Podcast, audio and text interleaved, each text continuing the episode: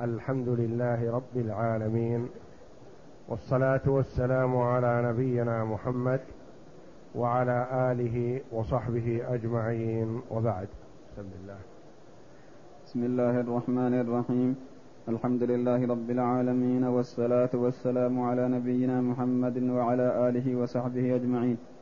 قال المؤلف رحمه الله تعالى باب ما يفسد الصوم وما يوجب الكفارة. باب ما يفسد الصوم وما يوجب الكفارة لأن هناك مفطرات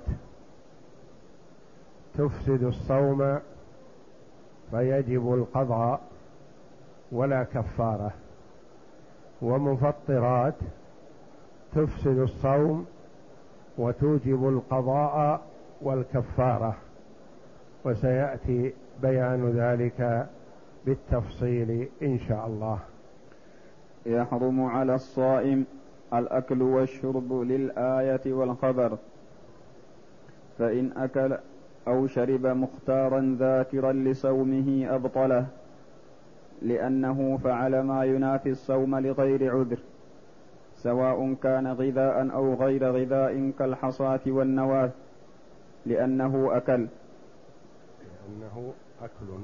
لأنه أكل. وإن استعط أفسد يحرم على الصائم الأكل والشرب. للآية والخبر. للآية في قوله جل وعلا وكلوا واشربوا حتى يتبين لكم الخيط الأبيض من الخيط الأسود من الفجر. فإباحة الأكل حتى الفجر. فإذا تبين الفجر حينئذ يحرم الأكل لأن المباح إلى غاية بانتهاء إلى بالانتهاء إلى هذه الغاية يكون حراما. وكلوا واشربوا حتى يتبين لكم الخيط الأبيض من الخيط الأسود حتى يتبين الفجر. فإذا تبين الفجر فيحرم على من أراد الصيام أن يأكل أو يشرب. فإن أكل أو شرب مختارا يخرج المكره ذاكرا لصومه يخرج الناسي فالناسي لو أكل أو شرب ما فسد صومه كما سيأتي. أبطله إذا أكل أو شرب ذاكرا غير مكره فقد أبطل صيامه لأنه فعل ما ينافي الصيام فالأكل والشرب ينافيان الصيام. لغير عذر فإن كان لعذر كأن يكون أكل أو شرب ناسيا أو أكل أو شرب مكرها فهذا لا ينافي الصيام. سواء كان غذاء أو غير غذاء يعني طعام عادي أو شراب عادي أو أكل شيئا غير غذاء. مثلا أكل ترابا أو بلع حصاة. أو بلع نواة أو بلع قرشا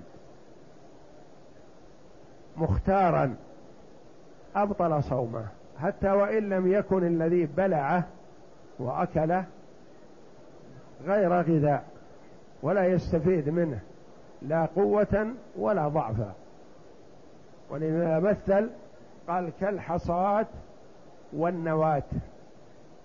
أما إذا أكل النواة بدون اختياره مثلا كأن يكون أدخلها في فيه مختارا لكن ذهبت مع ريقه بدون اختياره أو أدخل قرشا ونحوه مثلا إلى فيه فابتلعه بدون اختياره فإن هذا لا يفطره.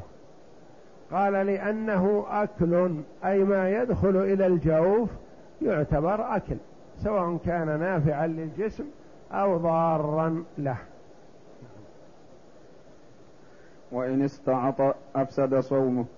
لقول وإن استعط أفسد صومه.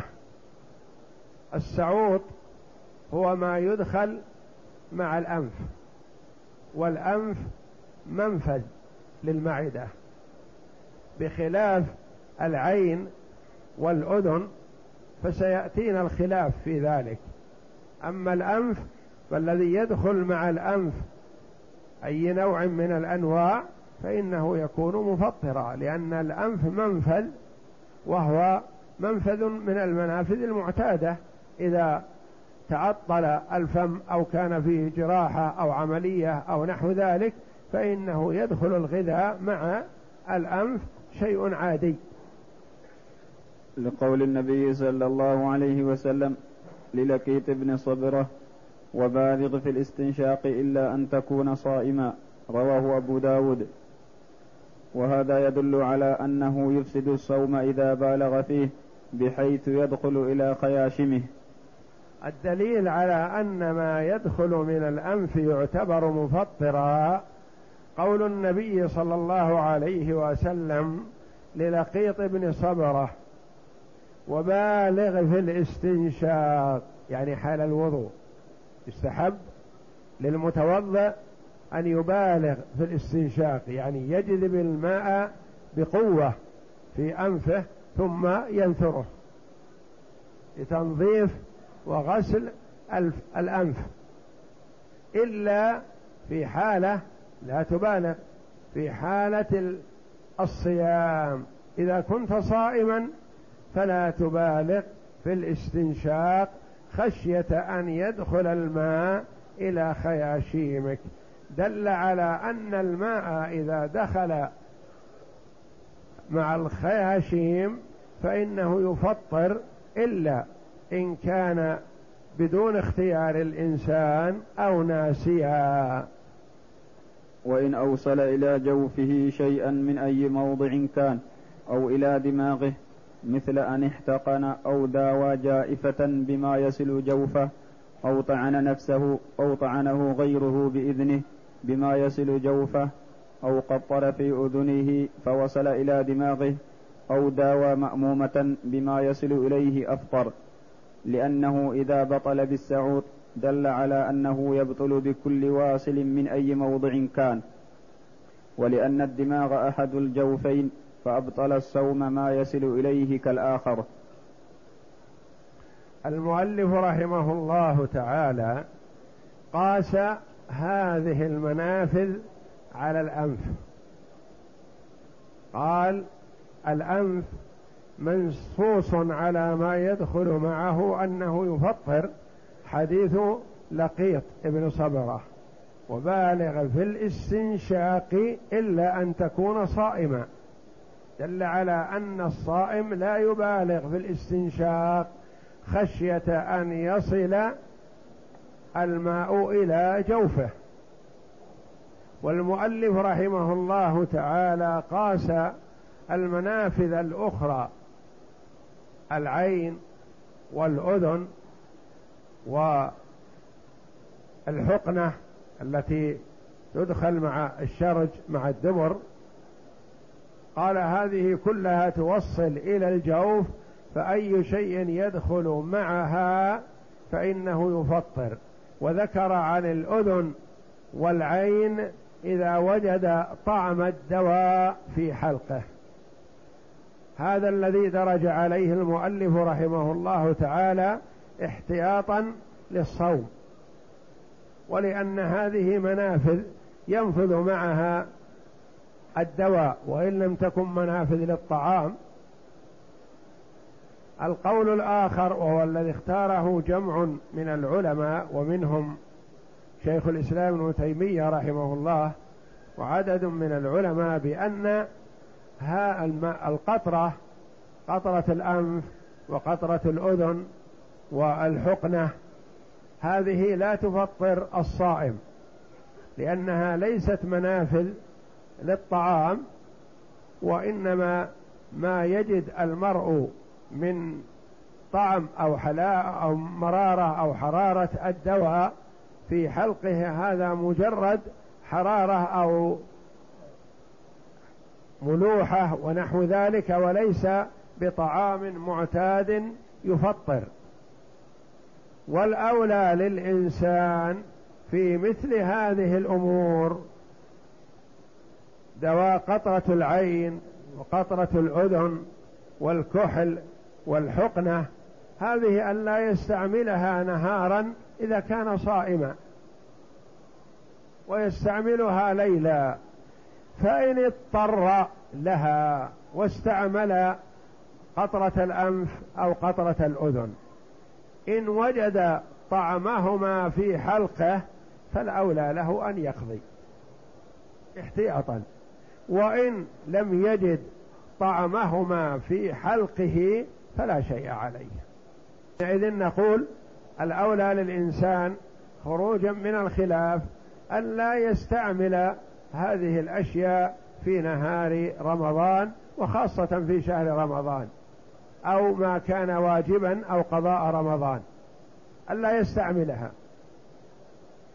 فإن اضطر لاستعمالها فنقول له إيه انظر إن وجدت طعم القطرة في حلقك فالأولى لك أن تقضي. وإن لم تجد طعمها في حلقك ولا رأيت أثرا فليس عليك قضاء. وكذلك الحقنة.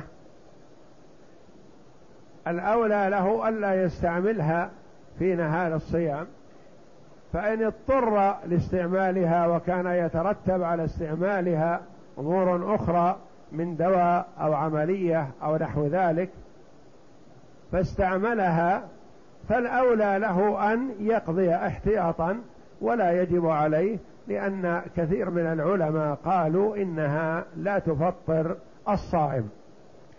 وإن اكتحل والوصول سواء وصل إلى جوفه أو وصل إلى دماغه يعني أحس بالطعم في رأسه ونحو ذلك فهذا مكان وهو جوف للإنسان فما يصل إليه قالوا يفطر. وإن اكتحل فوصل الكحل إلى حلقه أفطر لأن العين منفذ منفذ لذلك يجد المكتحل مرارة الكحل في حلقه.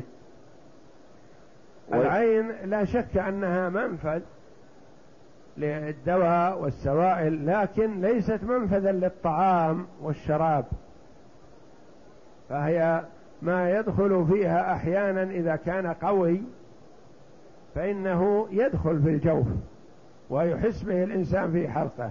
وإذا كان ليس بذي قوة فإنه يكون في العين فقط والعين خارجية وليست داخلية مثل الفم والأنف. فالفم والأنف يعتبران خارجية. ما أدخل الإنسان في فمه ثم أخرجه أو أدخله في أنفه ثم أخرجه كما قلنا في الاستنشاق فإن هذا لا يفطر.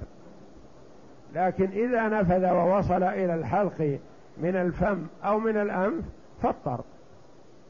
وكذلك العين قالوا هي منفذ وإن لم تكن منفذ للطعام فالأولى للإنسان أن لا يستعمل القطرة نهارا حال صيامه فإن اضطر لذلك فلا يخلو إن وجد طعم ذلك في حلقه فالأولى له أن يقضي احتياطا وإن لم يجد طعمها في حلقه فلا قضاء عليه. لأن العيل منفذ لذلك يجد المكتحل مرارة الكحل في حلقه وتخرج أجزاؤه في نخاعته. وإن شك في وصوله هذا دلالة على أنها منفذ العين منفذ. قال غالبا إذا كان الكحل قوي فإنه يجد حرارة أو مرارة الكحل في حلقه. ثم إذا تنخم وأخرج النخامة أو النخاعة فإنه قد يرى شيئا من أجزاء الكحل فيها. وإن شك في وصوله لكونه يسيرا كالميل ونحوه ولم يجد طعمه لم يفطر نص عليه. إذا شك هل وصل أو ما وصل فالأصل سلامة الصيام حتى يتيقن استعمال ما يفطره. وإن زرق في إحليله شيئا أو أدخل ميلا لم يبطل صومه لأن ما يصل المثانة لا يصل إلى الجوف ولا منفذ بينهما إنما يخرج البول رشحا فهو بمنزلة ما لو ترك في فيه شيئا وإن زرق في إحليله شيئا. الإحليل هو فتحة الذكر التي يخرج منها البول. زرق شيئا فدخل. فهل يفطر بهذا الداخل؟ لا. لأن فتحة الذكر الثقب الذي فيه ليس منفذ إلى الجوف وإنما هو منفذ إلى المثانة والمثانة منفصلة عن داخل الجوف فالبول يصل إليها رشحا مثل رشح العرق ويجتمع فيها ثم يخرج مع هذه الفتحة بالذكر. فلو أدخل فيه شيء أو دواء أو نحوه فإنه لا يفطر لأن هذا ليس بمنفذ للجسم للجوف. وإن ابتلع ما بين أسنانه أفطر لأنه واصل من خارج يمكن التحرز عنه فأشبه اللقمة. فإن ابتلع ما بين أسنانه أفطر. هذا لا يخلو. إن كان بين أسنانه طعام ثم استخرجه من بين أسنانه وبلعه باختياره فهذا يفطر.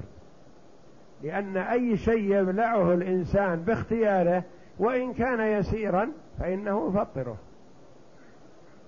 فإذا فطر الكثير فطر اليسير. أما إذا كان ما بقي بين أسنانه طعم الطعام أو أثر الطعام ووجد أثر الطعام مع ريقه حينما يبلع الريق فإنه لا يفطر بهذا.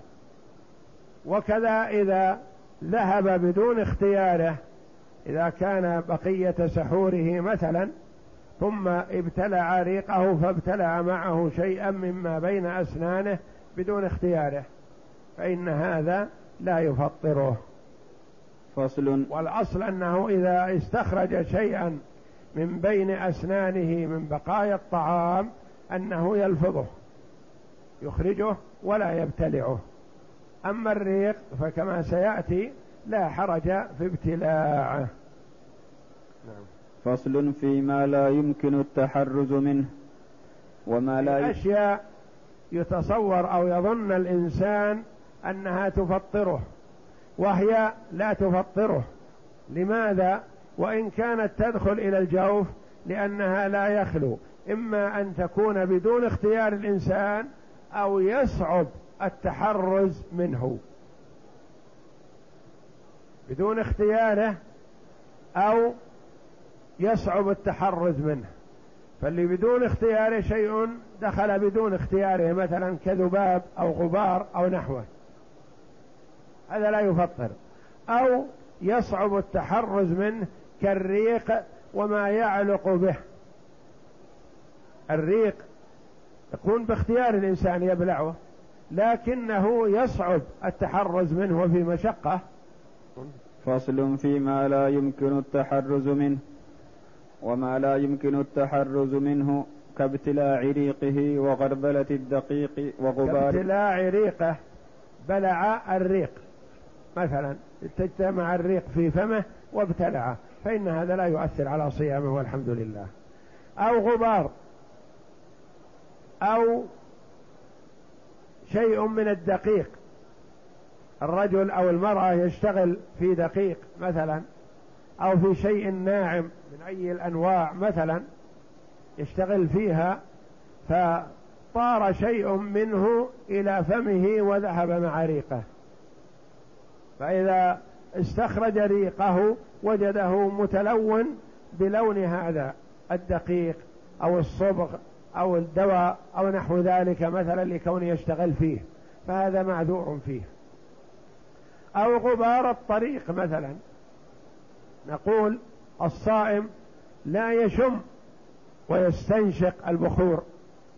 باختياره لا يجوز له لأنه يتصاعد إلى الخياشيم فيدخل إلى الجوف. لكن الإنسان يمشي في الطريق وثارت العجة أو من أثر سيارة مرت حوله أو ماش أثار الغبار أو شيء سقط على الأرض فأثار الغبار فدخل الغبار في خياشيمه ودخل الغبار في فمه وذهب لحلقة أحس بطعم وحرارة أو مرارة أو حدة الغبار في حلقة. فهل يفطر بهذا؟ لا. والحمد. لا يفطر لأنه بدون اختياره. وغبار الطريق والذبابة تدخل في حلقه لا يفطر. والذبابة هو مثلا جالس في مكان ما فطار ذباب في فمه ومن فمه ذهب إلى حلقه. وهو يكره هذا ولا يريده لكن بدون اختياره. هل يفطر؟ لا ما يفطر. لأن تقدم أن قلنا لو بلع حصاة أفطر والحصاة لا يستفيد منها لكن بلعها باختياره. أما ذباب بدون اختياره مثلا أو بعوضة مثلا بدون اختياره فلا يؤثر هذا على صيامه والحمد لله. نعم. لأن التحرز منه لا يدخل تحت الوسع ولا يكلف الله نفسا إلا وسعها. لأن الإنسان لا يريد أن يدخل الغبار في جوفه ولا يريد أن يدخل الذباب في جوفه لكن رغما عنه. بدون خياره فلا يكلف الله نفسا إلا وسعها فلا يؤثر هذا على صيامه. وإن جمع ريكه ثم ابتلعه لم يفطر لأنه يصل من معدته أشبه ما لو لم يجمعه. وفيه وجه آخر أنه يفطره لإمكان التحرز منه. الريق لا يخلو. ريق عادي. هذا لا يفطر به أبدا. شخص جمع الريق في فمه. جمعه. ثم ابتلعه. هذا قال المؤلف القول الأول أنه لا يفطر به. وقيل في وجه آخر أنه يفطر بهذا لأنه جمع الريق وابتلعه وهذا يمكن التحرز منه. يعني جريان الريق إلى الحلق ونزوله هذا ما يمكن التحرز منه ولا يستطيع الإنسان. وفي ذلك مشقة وفيه أذى لمن حوله كذلك. إذا كان كلما اجتمع الريق وكان يسيرا بصقه ثم يجتمع ويبصقه وهكذا. هذا فيه مشقة وفيه كراهية ومظهر غير مناسب وغير لائق مع من كان معك. فعفى الله عن الشيء العادي المستمر لكن جمع الريق ثم ابتلاعه هذا فيه وجه آخر أنه يفطر. فالأولى للإنسان ألا يجمعه لأنه أحيانا يجمعه الإنسان من باب التحرز ما يبيه يذهب إلى حلقة فيجمعه فيجتمع شيء كثير ثم يبتلعه. نقول لا دعه شيء مع الريق لا يؤثر لكن إذا جمعته فالأولى لك أن تلصقه خروجا من الخلاف. وإن ابتلع, وإن ابتلع النقامة ففيها روايتان إحداهما يفطر لأنها من غير الفم أشبه القيء يفطر. إحداهما يفطر لأنها من غير الفم أشبه الكيء والثانية لا يفطر لأنها لا تصل من خارج وهي معتادة في الفم أشبه الريقة النخامة والنخاعة لا يخلو. إن كانت في الحلق ونزلت فهذا لا إشكال فيها لا تفطر. فإذا وصلت إلى الفم وابتلعها مثلا فهذه فيها القولان. قول أنها يفطر بها لأنها تختلف عن الريق وبإمكان التحرز منها. القول الآخر أنها لا تفطر لأنها ما جاءت من خارج وأدخلها إلى جوفه وإنما هي من الداخل ودخلت فلا يفطر. فالأولى للإنسان إذا أمكنه التحرز منها أن يقذفها وإذا لم يمكنه فلا حرج. ومن أخرج ريقه من فمه ثم ابتلعه أو بلع ريق غيره أفطره لأنه بلعه من غير فمه أشبه ما لو بلع ماء. ومن أخرج ريقه من فمه ثم ابتلعه يعني جمع الريق في فنجال ونحوه مثلا ثم ابتلعه. أو شخص جمع ريقه في فنجال مثلا. ثم قال هذا القائل الريق لا يفطر يا أخي لا تخرج ريقك من فمك.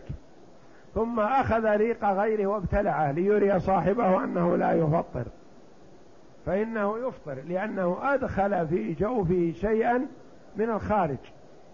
مثل مثلا لو بصق امرؤ في فم غيره فابتلع هذا البصاق أو الريق أو التفال أو نحوه فإنه يفطر بهذا لأنه أتاه من خارج. ومن أخرج درهما من فمه ثم أدخله وبلع ريقه لم يفطر لأنه لا يتحقق لا يتحقق ابتلاع البلل الذي كان عليه. عرفنا أنه إذا أخرج ريقه ثم ابتلعه أفطر بذلك. قد يقول قائل ألا نقيس عليه لو أن شخصا أدخل درهم أو قرش في فمه أو إبرة أو حديدة أو ميل في فمه ثم أخرجه وفيه رطوبة ثم أعاده إلى فمه وابتلع الريق. هل يفطر بهذا؟ لا. لأن هذا العالق بهذا الآلة المدخلة مثلا من درهم أو غيره هذا رطوبة باقية فيها. فلا يتيقن أنه تحلل منها شيء ودخل في معاريق الإنسان. ولذلك لا يفطر بابتلاع ريقه بعد المضمضة والتسوك بالعود الرطب. ولا بإخراج نعم لو إذا تمضمض الإنسان أليس يكون في فمه أثر رطوبة الماء؟ هو رمى بالماء قذفه ثم ابتلع ريقه قد يأتي متشدد ويقول مثلا فمك فيه رطوبة الماء الذي تمضمضت به وأنت بلعته فكأنك بلعت جزءا من الماء الذي توضأت به. نقول لا هذا تشدد في غير محله. الإنسان مأمور شرعا.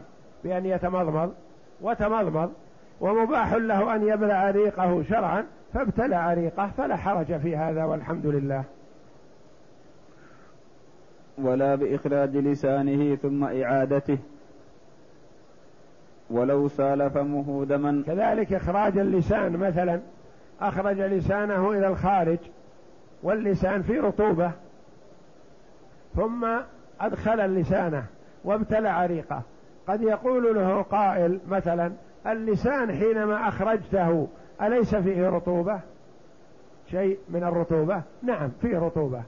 وإذا أدخلت لسانك وبلعت ريقك ألم تكن بلعت شيئا من الرطوبة التي كانت في الخارج؟ نعم يكون هذا لكنه هذه الرطوبة في اللسان ثابتة فيه. لو أدخلت لو أخرجت اللسان ووضعت عليه شيئا ما دواء أو نحوه ثم بلعته مع ريقك نعم تكون أفطرت لأنك أتيت بشيء خارج ووضعته على لسانك وأدخلته. أما نفس رطوبة اللسان إدخاله أو إخراجه فلا يؤثر هذا على الصائم. ولو سال فمه دما وكذا التسوك مثلا. التسوك مأمور به شرعا. الإنسان إذا تسوك بعود الرطب وجد أثر السواك طعمه في فمه وفي حلقه. ألا يفطر بهذا؟ لا لا يفطر. لأن النبي صلى الله عليه وسلم قال أفضل خصال الصائم السواك. وقال عليه الصلاة والسلام السواك مطهرة للفم مرضاة للرب. فلا يكون الصيام السواك من خصال الصائم ويفطره. إذا كل صائم حينما يتسوك يفطر. لأن بعض المساويك بعضها قوية لها حدة وحرارة. يجد الإنسان حرارة السواك أو حدته أو طعمه في حلقه وفي فمه مثلا فلا يؤثر هذا لأن النبي صلى الله عليه وسلم رخص للصائم أن يتسوك فلا يفطر بما يحس به من طعم السواك. ولو سال فمه دما أو خرج إليه قلس أو قيء وينبغي للصائم أن يتعاهد السواك وأن يجتنب المعاجين لأن بعض المعاجين لها قوة ونفوذ فإذا وضعها في فيه وعلى أسنانه ذهبت إلى حلقه بقوة نفوذها وتحلل منها أجزاء ودخلت مع الريق. فلا ينبغي للإنسان أن يفعل هذا. وبعض المعاجين مثل الصابون والصابون لا حرج أن يسوك الإنسان يغسل أسنانه بالصابون وإن كان صائما لأن الصابون العادي ليس له نفوذ. فبعض المعاجين من جنس الصابون لا بأس باستعمالها لكن السواك أفضل وأطيب والسواك كما قال عليه الصلاة والسلام في الحديث الصحيح مطهرة للفم مرضاة للرب. فيتعهد الصائم السواك ويكفيه عن كل شيء. ولو ولو سال فم فمه دما أو خرج إليه قلس أو قيء فازدرده أفطر لأن الفم في حكم الظاهر. وإن أخرجه ثم ابتلع ريكه ومعه شيء من النجس أفطر وإلا فلا. ولو سال فمه دما لو سال من الفم دم. ما الواجب عليه نحو هذا؟ أن يقذفه يرميه.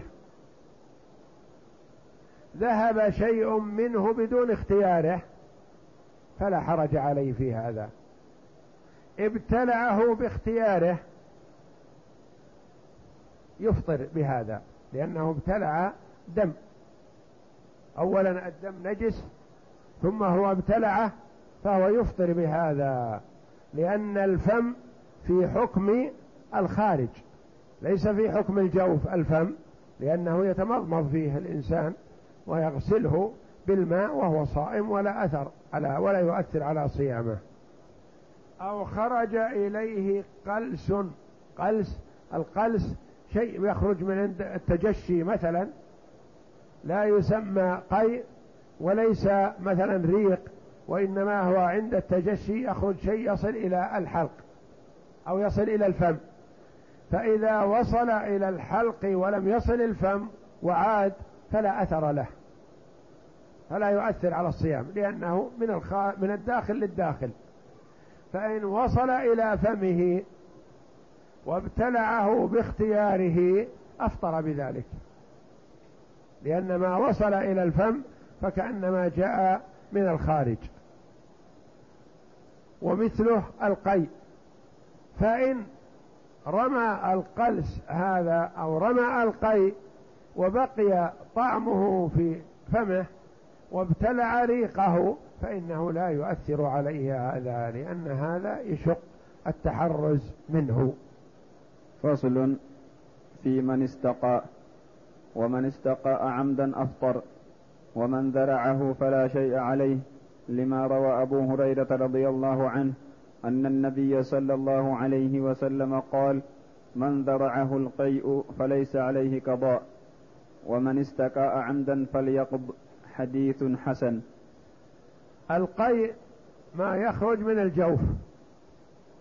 أحيانا الإنسان بعد أكله وحركة أو شم رائحة أو حصل له شيء ما فخرج القيء من جوفه.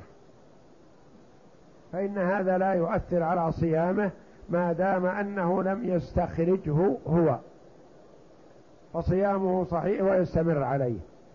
أحيانا المرء يحس بثقل في المعدة فيشم شيئا أو يدخل في فيه أصبعه لأجل أن يتقيأ أو يدخل السواك إلى آخر حلقه من أجل أن يستجذب القيء فقاء حينئذ أفطر لأنه استجلب القيء استقاء يعني فعل شيء لأجل يحصل القيء أو عصر بطنه وضع يده على بطنه أو عصره أو ربطه برباط قوي من أجل أن يرتفع ما في المعدة ويخرج إذا فعل شيئا من أجل استخراج القيء فإنه يفطر بذلك. أما إذا ذرعه القيء بدون اختياره يعني كان يتحدث أو جالس أو نائم ففاض القيء بدون اختياره فله أن يرميه ولا يؤثر على صيامه والحمد لله. لقوله صلى الله عليه وسلم في حديث أبي هريرة من ذرعه القيء فليس عليه قضاء. ذرعه يعني جاء بدون اختياره رغما عليه. ومن استقاء عمدا فليقضي. استقاء عمدا يعني تعمد أن يخرج ما في جوفه فإنه عليه القضاء. وإن حجم أو احتجم أفطر لقول النبي صلى الله عليه وسلم أفطر الحاجم والمحجوم. رواه عن النبي صلى الله عليه وسلم أحد عشر نفسا. وقال أحمد رحمه الله حديث ثوبان وشداد بن أوس صحيحان. وإن احتجم أو حجم حجم أو احتجم. يعني حجم غيره. الحجام يحجم شخصا آخر. والمحجوم كذلك يقال له احتجم. الاثنان يفطران بالحجامة. المحتجم خرج منه دم كثير. وإخراج الشيء من الجوف يفطر مثل الاستقاء. أخرج القيء. مثل خروج دم الحيض ودم النفاس. مثل خروج الاستمناء المني عند المعالجة مثلا. كل هذه تفطر. طيب قد يقول قائل هذا المحتجم فعل لكن الحاجم كيف أفطر؟ قال الحاجم نعم لأن الحاجم يضع المحاجم ويمك الهواء بفمه ففي احتمال كبير أن يذهب شيء من ذرات الدم إلى جوفه. فلذا قال عليه الصلاة والسلام في هذا الحديث الذي رواه عنه أحد عشر نفسا كلهم رووا هذا الحديث عن النبي صلى الله عليه وسلم وهذا حديث صحيح. أفطر الحاجم والمحجوم. الحاجم الذي يحجم المريض والمحجوم الذي احتجم أخرجت منه الحجامة. وقال الإمام أحمد رحمه الله حديث ثوبان وشداد حديث الصحابيين صحيحان حديثان صحيحان يعني كلها في الحجامة فيعتمد عليها فيقال أفطر الحاجم والمحجوم كما قال صلى الله عليه وسلم. ويلحق بالحجامة كذلك من أخرج من جسمه دم كثير كمن أراد أن يتبرع بدم مثلا. قد يقول قائل غالبا التبرع بالدم يكون حال ضرورة. نقول الحال لا يخلو من أمرين. إن كان الأمر فيه سعة فنقول للمرء وفيه انتظار وصبر ما دمت صائم اصبر في استخراج الدم الذي تريد أن تتبرع به لهذا المريض أو لهذا المستشفى بعد الإفطار. فتصبر بعد الإفطار وتستخرج ما شئت. أحيانا يكون الأمر ضرورة. مريض مثلا في حاجة ماسة إلى التبرع بالدم. ونريد من هذا وهذا وهذا أن يتبرعوا له. إما لكونه أصيب بجرح شديد أو حادث سيارة أو نحو ذلك أو حالة ولادة بالنسبة لامرأة وهي في أمس الحاجة إلى دم. مثلا ونريد من إخوانهم المسلمين أن يتبرعوا لهم. في هذه الحال نقول إذا كان ضرورة فانقاذ المعصوم من هلكة مأمور به شرعا. فنقول نعم يا أخي تبرع بالدم وأفطر وكل عن الدم الذي استخرجته حتى لا يتأثر جسمك ثم أمسك سائر اليوم واقضه اقضي يوما بدله. استخراج الدم مثلا تبرعا. لا يخلو. إن كان الأمر فيه سعة فنقول لا يجوز لك أن تخرجه نهارا وإنما أخرجه بعد الإفطار. وتبرع به بعد الإفطار. الأمر يستدعي العجلة. يقول مثلا في لإنقاذ معصوم من هلكة. هذا المريض في حاجة ماسة إلى دم. ولا يوجد عندنا دم جاهز إلا ما يتبرع به المتبرع. فنقول في هذه الحال يتبرع بالدم. قالوا إذا تبرع بالدم يلزم أن يأكل أو يلزم أن يشرب ليعوض ما فاته وإلا فإنه يتضرر هو. يتبرع لينقذ غيره ثم يضر نفسه. نقول لا ضرر ولا ضرار. يتبرع بالدم ويأكل أو يشرب ثم يمسك لحرمة الشهر. إذا كان مثلا في شهر رمضان يمسك ما يستمر طول النهار مثلا يأكل ويشرب يأكل شيئا يفيده عما أخذ منه ثم يمسك. وعليه أن يقضي هذا اليوم. ولا كفارة في ذلك. والله أعلم. وصلى الله وسلم وبارك على عبد ورسول نبينا محمد وعلى آله وصحبه أجمعين.